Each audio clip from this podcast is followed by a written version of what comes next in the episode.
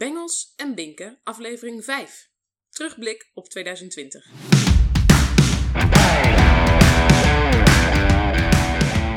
Ik geloof dat je als ouder je eigen keuzes moet maken in de opvoeding van je kinderen. Daarom help ik jou verder kijken dan de gebaande paden.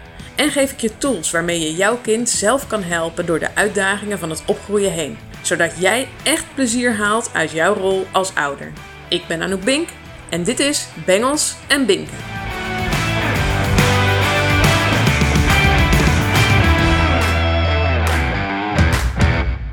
Hallo, welkom. Fijn dat je er weer bent bij aflevering 5 dit keer. En het is nu januari 2021 en ik wil toch even terugkijken op 2020. Want 2020 was een heel gek jaar. Een mooi jaar ook. Maar er is zoveel gebeurd. En we hebben ook zoveel stilgestaan. Ik heb het idee dat het echt een jaar is geweest van uh, verschillende shifts. Op verschillende niveaus. En um, wat ik vooral ook heb gemerkt is dat mijn eigen gevoel heel erg van hot naar her is gegaan. En aan het einde van een jaar vind ik het altijd heel fijn om eventjes terug te blikken en vooruit te kijken. En uh, nou, dit keer is het een beetje laat, zit ik in januari al, maar wil ik toch nog eventjes de tijd nemen om daarbij stil te staan. En dat doe ik door uh, echt mijn agenda door te nemen vanaf januari af aan. Alles te bekijken van, hé, hey, wat heb ik eigenlijk allemaal gedaan? Welke gebeurtenissen zijn er geweest? Welke afspraken heb ik gehad? En ik kijk door al mijn foto's. Ook vanaf januari tot het einde van het jaar. En ik maak dan een lijstje per maand met wat er die maand allemaal gebeurd is. Wat voor afspraken ik heb gehad. Uh, wat voor uh, uitjes we hebben gehad. Uh, wat voor dingen er zijn gebeurd, want ik maak best wel veel foto's. Uh, dus dat haal je eruit en uit mijn agenda ook. Dus die combinatie, uh, daarvan maak ik een lijstje met, met wat ik dus die maand allemaal gedaan heb. En door het zo op een rijtje te zetten, krijg ik een heel duidelijk overzicht van het hele jaar. Met alle gebeurtenissen en alle bijzonderheden. Wat ik daar het leuke aan vind, is dat ik ook al die momenten even terughaal. Ook de dingen die ik al lang weer vergeten was. Want dat zijn er altijd een heleboel die ik aan het eind van het jaar waar ik niet meer bij stilsta. En ik haal altijd eventjes het gevoel terug van de periode die uh, voorbij is gekomen. Daarnaast maak ik ook uh, sinds een paar jaar met een paar vriendinnen een uh, vision board. En een vision board is eigenlijk niks meer dan een groot blad waarop alles komt te staan wat je voor je ziet, wat je graag wil voelen, wil ervaren in het komende jaar. Dus dan nemen we allemaal stapels tijdschriften mee, bespreken we met elkaar hoe het jaar is geweest en waar we ons komend jaar op willen focussen. Uit die tijdschriften knippen we dan van alles wat erbij past en dat pakken we op dat grote vel. Nou, dat grote vel dat komt bij mij in mijn huis te hangen. En iedere keer als ik er langs loop, dan denk ik daar weer aan. En dan zie ik weer dingetjes voorbij komen en denk ik, oh ja, dat is mooi om me daar nu vandaag op te focussen. Het idee is eigenlijk dat je door je doelen en je wensen visueel te maken, dat je je hersenen op een andere manier ermee bezig laat zijn. En dat je daardoor je doelen ook eerder behaalt. En ik vind het dus ook echt heel fijn om gewoon regelmatig te zien en er langs te lopen en aan iets kleins te denken. Want de ene keer trekt het een mijn aandacht en de andere keer trekt het ander mijn aandacht. En het zijn allemaal positieve, fijne dingen die erop staan. En doordat ik dit afgelopen jaar ook heb gedaan, ik heb in december heb ik uh, ook eerst die lijstjes voor mezelf gemaakt en daarna dat vision board gemaakt met, uh, met vriendinnen. Wat mij nou heel erg opviel afgelopen jaar, is dat er toch ook wel heel erg veel leuke momenten zijn geweest.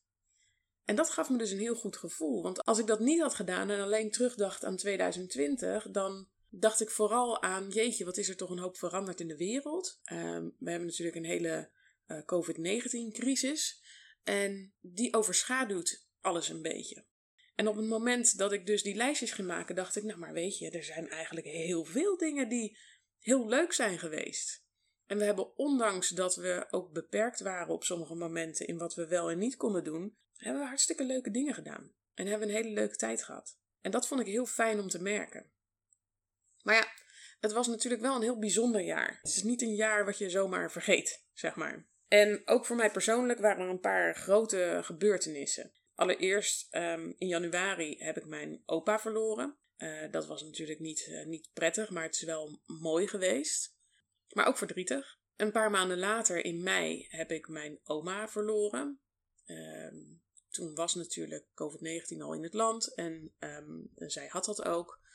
En zij is toen uh, overleden. En dat was ook heel verdrietig. En vooral de omstandigheden eromheen met alle maatregelen. Dat maakte dat het, dat het lastiger was, dat afscheid. En dat zijn voor mij grote gebeurtenissen geweest natuurlijk. Want ja, ook daardoor heb ik inmiddels nu geen opa's en oma's meer. En dat uh, besef komt af en toe nog langs. En dat is uh, niet fijn. Ja, dat is, dit, ja, ik mis ze. Maar goed, het hoort er wel bij. En ze zijn allebei super oud geworden. Mijn opa was 94 of 95 en mijn oma was 99. De een was van mijn vaders kant, de ander van mijn moeders kant. En ja, het hoort erbij. Het is wel ook heel mooi geweest dat ik ze zo lang bij me heb kunnen hebben. En dat ik uh, uh, 36 ben geworden met nog opa's en oma's bij me. Nou ja, verder hadden we natuurlijk de, de COVID-19 lockdowns. Uh, in maart de eerste. Nou, dat heeft heel veel teweeggebracht bij mij toen.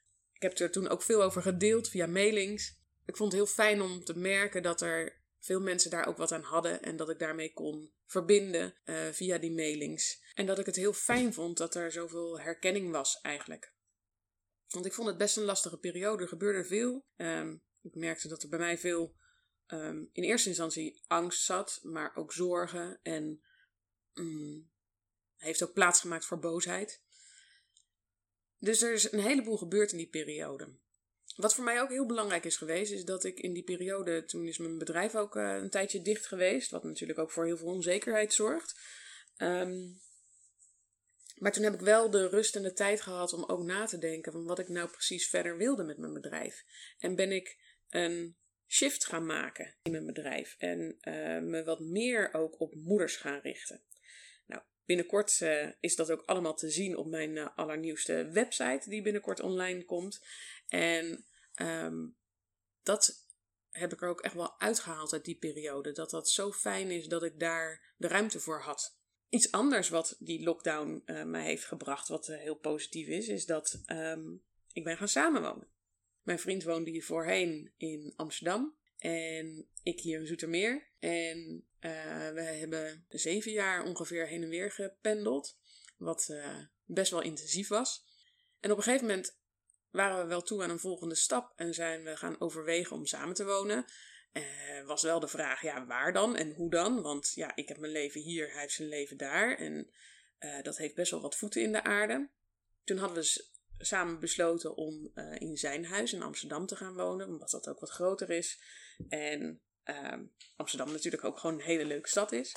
Dus we waren in het begin van het jaar waren we aan het kijken naar scholen in Amsterdam, naar hoe gaan we dat daar dan vormgeven. En waren we daar heel concreet mee bezig eigenlijk. Maar toen kwam de eerste lockdown in maart. En hebben wij bedacht van oké, we zitten nu in een lockdown. Wie weet mogen we straks niet meer heen en weer reizen. Dat is een probleem. We wisten natuurlijk toen nog niet hoe het er precies uit zou gaan zien. Uh, dus laten we in ieder geval samen zijn. Toen is hij naar mij toegekomen in Zoetermeer en hebben we, uh, omdat we dan ook dichter bij mijn familie zaten, zijn familie zat sowieso al wat verder weg van Amsterdam af. En mijn dochter kon dan wel gewoon buiten spelen en eventueel met andere kinderen. Dus hadden we besloten van oké, dan gaan we dat in ieder geval hier doen. En eigenlijk hebben we in die periode besloten, nou dat bevalt eigenlijk toch wel zo goed, dat hij gewoon is gebleven. En we nu dus uh, samen wonen in Zoetermeer. En die hadden we allebei niet helemaal zien aankomen, maar het is wel een hele positieve ontwikkeling geweest voor ons. Nou, de zomer is uh, rustig geweest. We hebben lekker de tijd voor elkaar gehad. Uh, we hadden opeens een zwembad in de tuin. In plaats van uh, dat we op vakantie gingen. En dat is ook helemaal prima. we hebben veel tijd met elkaar door kunnen brengen als gezin. En dat was heel fijn. En in oktober was er ook wel een grote gebeurtenis voor mij. Want mijn bedrijf bestond namelijk vijf jaar. En dat is toch gevoelsmatig wel heel bijzonder. Dat iets wat je zelf hebt opgezet en zelf hebt vormgegeven, dat dat al zo lang meegaat en dat dat ook goed gaat. En dat um, ik echt een bijdrage kan leveren op deze manier. En daar ben ik ja, heel trots op en heel blij mee. En wat ik toen heb gedaan, bij het vijfjarig jubileum van eh, Coaching, is mijn podcast gelanceerd. En dat vond ik super spannend en was ik eigenlijk al een jaar mee bezig in mijn hoofd en vond ik heel lastig, omdat ik echt een drempel vond. Ben zo blij dat ik het gedaan heb. En het is echt iets wat ik het komende jaar uh, verder wil gaan uitbouwen. En een andere grote gebeurtenis, die was uh, in december. Uh, toen heb ik namelijk mijn vriend ten huwelijk gevraagd. En hij heeft ja gezegd, dus ik ben heel blij. en ja, dat was gewoon heel erg leuk en heel bijzonder voor ons. Um, we waren naar een kasteel en uh, uh, ik had hem verrast met een nachtje daar. En uh, hij had dat niet zien aankomen, want het was een verrassing. En het aanzoek had hij al helemaal niet zien aankomen, want ik heb namelijk altijd geroepen dat ik niet hoefde te trouwen, dat ik niet geloof in het huwelijk. Um, maar ja, daar is in, voor mij ook het afgelopen jaar een, een verandering heeft daar plaatsgevonden. En inmiddels vind ik het heel erg leuk dat we gaan trouwen. En um, omdat ik had bedacht van nou, misschien wil ik dat toch wel. Dacht ik van ja, ik kan nu op hem gaan wachten totdat hij dat aan mij vraagt. Maar hij weet dat ik er niet echt om sta te springen. Of om stond te springen. Um, dus dat gaat heel lang duren voordat hij die stap gaat nemen om mij te vragen. Dus waarom doe ik het niet gewoon zelf? En dat heb ik dus gedaan. Wel heel lastig om een verlovingsring voor een man te vinden trouwens. Dat bestaat niet zomaar. Het is een beetje standaard. Dan krijg je meer de standaard trouwringen, zeg maar. Dus ik uh, ben naar een galerie in Rotterdam gegaan. Puur galerie. En daar hebben ze een hele toffe ring gemaakt. En uh, ja, dat was wel heel cool. Dat hij dan ook gewoon echt een ring kreeg bij dat aanzoek. En uh, ja, ik was er heel blij mee. En hij gelukkig ook. Het was dus voor mij een beetje een gek jaar waar heel veel is gebeurd. Het was rollen en stilstaan en um, onzekerheid, angst, boosheid, maar ook heel veel um, plezier en heel veel liefde en uh, heel veel positieve dingen. Dus een bijzonder jaar. In dit jaar heb ik ook een aantal lessen geleerd. En ik vind het ook altijd wel belangrijk om daarbij stil te staan. Wat heb ik nou eigenlijk geleerd afgelopen jaar en uh, wat heeft me dat bijvoorbeeld opgeleverd? Omdat het zo'n jaar was van hollen en stilstaan, denk ik dat het misschien wel een jaar was waarin ik meer heb geleerd dan in andere jaren. Een van de lessen die ik bijvoorbeeld heb geleerd is dat stilstaan mag en dat het ook veel oplevert. Voorheen was ik altijd vooral veel bezig met uh, doelen halen en ergens naartoe werken. En ja, ik ben altijd iemand die altijd veel wil en het liefst ook allemaal nu. Is misschien ook wel een beetje de vloek van onze generatie. Uh, maar goed, uh, ik wil dus altijd veel en ik uh, wil daar het liefst dan nu al zijn. En dat kan natuurlijk niet. En wat ik eigenlijk afgelopen jaar heb gemerkt, is dat ook als ik eventjes niks hoef en niks wil en gewoon even ben. Gewoon het alleen maar zijn in het hier en nu. Dat dat misschien nog wel veel meer oplevert dan altijd maar uh, achter dingen aanjagen. En dat vond ik wel een hele mooie. En dat geeft me, heeft me veel rust gegeven. En vertrouwen ook. Dat het uh, uiteindelijk dan zich nog wel ontvouwt zoals het uh, bedoeld is. En dat klinkt een beetje vaag en zweverig, maar dat is wel wat ik heb gemerkt. Ook als je geen dingen najaagt, maar gewoon echt dicht bij jezelf blijft en even alleen maar bent, dan komen er ook dingen naar je toe. Dingen die op dat moment uh, bij je passen. Dat is een belangrijke les voor mij geweest. Het geeft me wat meer rust, zoals ik al zei. En um, zorgt er ook voor. Niet dat ik dan stil, alleen maar stil ga staan, maar het zorgt er wel voor dat er wat minder verkramping is in uh, het altijd maar door en het altijd, altijd maar groeien en altijd maar verder willen. En dat vind ik heel mooi. Daarnaast is er ook echt een verschuiving bij mij gekomen in mijn denken over onze vrijheid. Want ik denk echt dat onze generatie, in ieder geval zoals ik het heb ervaren, de vrijheid die we hadden, dat we die, dat ik die voor lief nam. Het was heel normaal om naar vier festivals per jaar te gaan. Nou, de afgelopen jaren ben ik daar iets rustiger in geworden, maar voorheen vier, vijf festivals per jaar, echt geen probleem, heerlijk, ging ik naartoe en ik dacht er niet eens bij na. Ja, ik genoot er enorm van. Ik vond het fantastisch. Maar ik stond er niet bij stil dat het een privilege is eigenlijk. Dat het een luxe is om dat te kunnen doen. En dat je nu misschien straks niet eens s'avonds de straat op mag, ehm, omdat ze het nu over een avondklok hebben, et cetera. Dat doet heel veel. Want dat is echt een beperking van je vrijheid. Ook al ben ik niet eens heel vaak s'avonds op straat. Maar het feit dat het dan niet mag, nou, dat geeft wel een bepaald gevoel. Dat geeft wel echt een beperking in je vrijheid. Dat heel veel winkels momenteel dicht zijn. Dat je niet even lekker ergens op een terrasje kan gaan zitten. Of een avondje de kroeg in kan duiken. Dat zijn vrijheden waar ik eerder niet over nadacht. En die zo belangrijk zijn. En dat merken we eigenlijk nu pas, als het er niet is. En dat vind ik heel waardevol.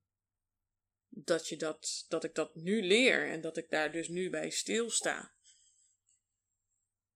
Wel fijn als het ook weer terugkomt.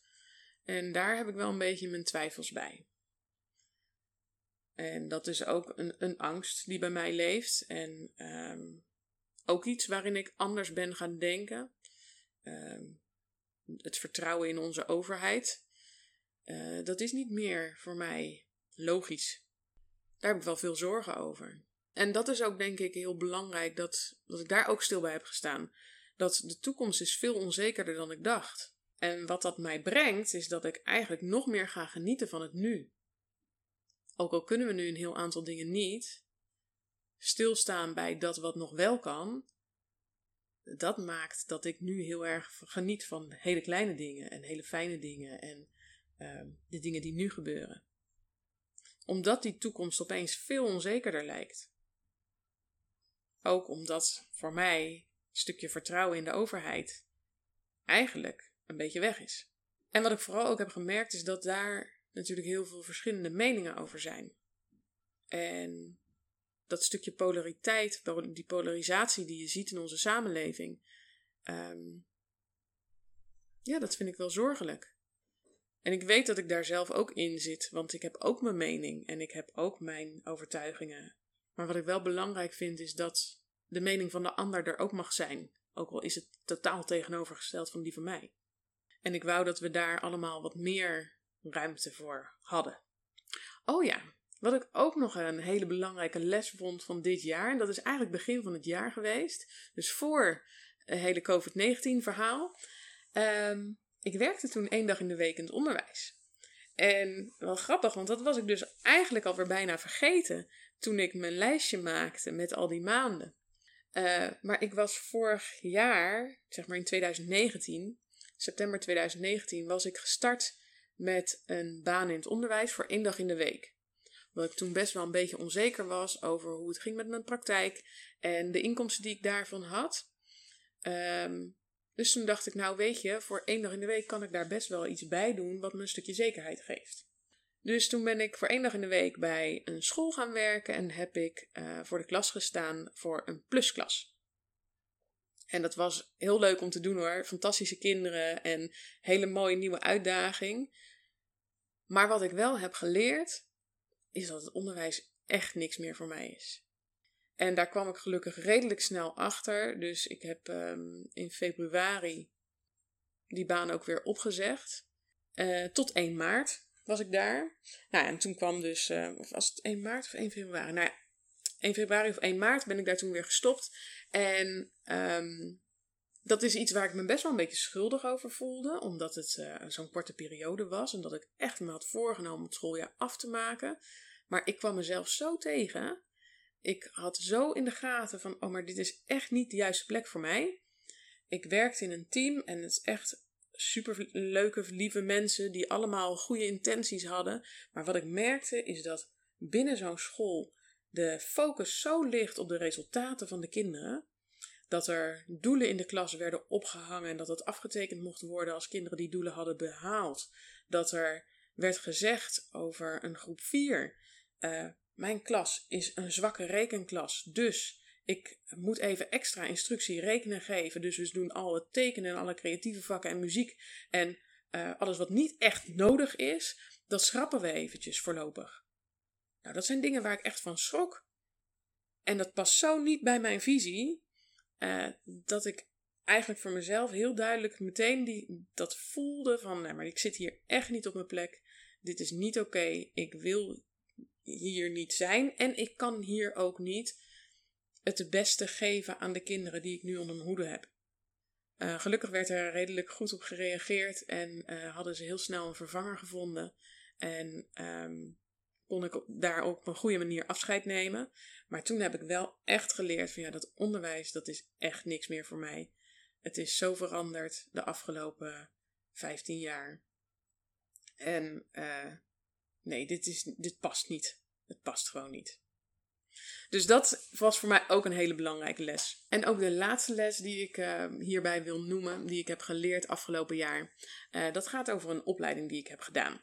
Ik heb namelijk uh, een opleiding gedaan voor individuele opvoedopstellingen. En ja, ja, dat is gebaseerd op familieopstellingen. Ik weet niet of je dat kent, maar je kunt zeg maar um, alle familie die je hebt, in ieder geval het gezin wat je hebt, kun je opstellen. En wat ze daarmee bedoelen is dat je die op een bepaalde manier neer kan zetten. Een traditionele familieopstelling is zo dat je ergens komt, dat daar verschillende mensen zijn, die uh, representanten noemen ze dat, die je kunt inzetten als jouw familieleden. Dus dan zet je bijvoorbeeld één iemand neer die jouw vader representeert, één iemand die jouw moeder representeert, iemand die je zus is, etc. En door die op een bepaalde manier neer te zetten en te gaan kijken van, oh, wat doet het als iemand draait of het net even anders gaat staan? Wat voel je dan? Wat gebeurt er dan? Dan komt er een heleboel in beweging. En uh, vooral in de onderlaag, in het onderbewuste, komt er een heleboel in beweging en kun je ook een heleboel aanpassen. En uh, kun je ervoor zorgen dat je op een andere manier met bepaalde zaken omgaat binnen die banden, binnen die familiebanden. Dus het is een hele mooie manier van werken. Systemisch werken noemen ze het. En ik wilde dit heel graag inzetten binnen mijn praktijk. Uh, vooral bij ouders. Um, alleen zag ik hem niet voor me met al die representanten. Want ik, ja, ik wilde niet zoiets groots organiseren. Maar ik wilde het in het klein doen en het liefst individueel. Dus op mijn pad kwam de opleiding individuele opvoedopstellingen. En dat is eigenlijk precies waar ik naar op zoek was. Want dan kan ik met een moeder of een vader, kan ik hun gezin in beeld brengen zonder die representanten. Ik heb dan vloerankers waarmee ik het neerleg, waarmee ik uh, een uh, vloertegel neerleg voor een vader, voor een moeder, voor een dochter, voor een zoon. En door met die tegels te gaan spelen, te gaan kijken, oké, wat doet het als iemand recht tegenover je staat of juist achter je? Of uh, wat, wat is er nog wat gezegd moet worden tegen diegene? Bereik je eigenlijk hetzelfde resultaat. Zonder dat je die representanten nodig hebt. En je kan heel diep ingaan op datgene wat er op dat moment gebeurt. Want je voelt een heleboel gebeuren op het moment dat er alleen al iemand anders een andere kant opkijkt. En je dus die tegel draait. Um, gebeuren er bepaalde dingen in je lijf en dit kun je gewoon merken. En het is zo bijzonder dat ik van die opleiding echt een heleboel heb geleerd over hoe dat nou precies zit en wat er dan allemaal nodig is binnen een gezin, wat er doorvoeld mag worden, wat er speelt in de onderlaag. En um, dat was heel gaaf om te doen. En vooral ook heel tof om dat in mijn praktijk um, echt te gaan gebruiken. Met verschillende ouders heb ik het al gedaan. En dat was echt fantastisch. Er gebeurt echt een heleboel. En je hoort dan ook achteraf van nou, maar het, voelt nu anders als ik mijn dochter uh, zelf op pad laat, uh, laat gaan, bijvoorbeeld. Dat er een, een stukje zorg minder is. En nou ja, zo zijn er nog wel meer voorbeelden. Maar het, was, het is echt gaaf om dat toe te voegen eigenlijk aan mijn hele arsenaal met handvatten en tools die ik al had. Dus dat is zeker ook een hele belangrijke les die ik heb geleerd afgelopen jaar. En ik ben wel heel benieuwd als jij terugkijkt op afgelopen jaar en eens terugkijkt per maand, hé, hey, wat hebben we nou eigenlijk allemaal gedaan? En eens terugkijkt naar je foto's van, oh, wat voor momenten hebben we ook weer met elkaar gehad? Of misschien wel alleen gehad. Um, of dat jou ook zo'n goed gevoel geeft. Dat je ook in de gaten hebt hoeveel momenten er eigenlijk zijn geweest die heel fijn waren. Naast momenten die misschien ook niet fijn waren, want die zijn er ook geweest en die mogen er ook zijn. Dus kijk voor jezelf terug en ook haal eens terug van wat heb ik nou eigenlijk allemaal geleerd dit jaar. Want ook al ben je 80, ik geloof echt dat je altijd dingen leert. Dus sta er eens bij stil en kijk eens wat het je allemaal heeft opgeleverd. Voor nu laat ik het hierbij. Ik uh, kom later nog een keertje terug over andere lessen die ik heb geleerd, namelijk de lessen uh, die ik heb geleerd in vijf jaar begeleiden van kinderen en ouders. Dat vind ik ook een hele interessante. Dus daar kom ik later nog een keertje op terug. Voor nu uh, hoop ik dat jij ook terugkijkt met een goed gevoel op 2020, ondanks alles. En um, dat je ook mooie plannen hebt voor 2021. Ja, het is onzeker. Ja, er gaat nog een heleboel komen wat niet prettig is. Maar sta stil bij de momenten die wel fijn zijn. En alles wat je dit jaar gaat meemaken. Kijk er nieuwsgierig naar wat voor avonturen jij gaat beleven. Want ik geloof echt dat als je focus ligt op het positieve, natuurlijk is het vervelender dan ook. En het feit dat we nu in een lockdown zitten en dat het misschien nog wel erger wordt, dat is er ook. En dat mag er ook zijn. Zorg ervoor dat je zelf de ruimte geeft om stil te staan bij de angsten die je hebt, bij de zorgen die je hebt, bij uh, de boosheid die je misschien ook wel voelt uh, richting of andere mensen of de overheid of wie dan ook. Dat mag er allemaal zijn. Maar focus je vooral op datgene wat wel kan. En op datgene wat wel fijn is. En op datgene waar je van geniet. Voor nu wens ik je een fantastisch jaar en tot de volgende keer. Dankjewel voor het luisteren naar deze aflevering. Heb je er wat aan gehad? Abonneer je dan op deze podcast. Dan weet je het meteen als de volgende aflevering online staat. Of laat een review achter. Dat helpt me enorm om meer mensen te bereiken. En als je nou specifiek iemand in gedachten hebt die iets aan deze podcast heeft, deel hem dan. Heel erg bedankt en tot de volgende keer.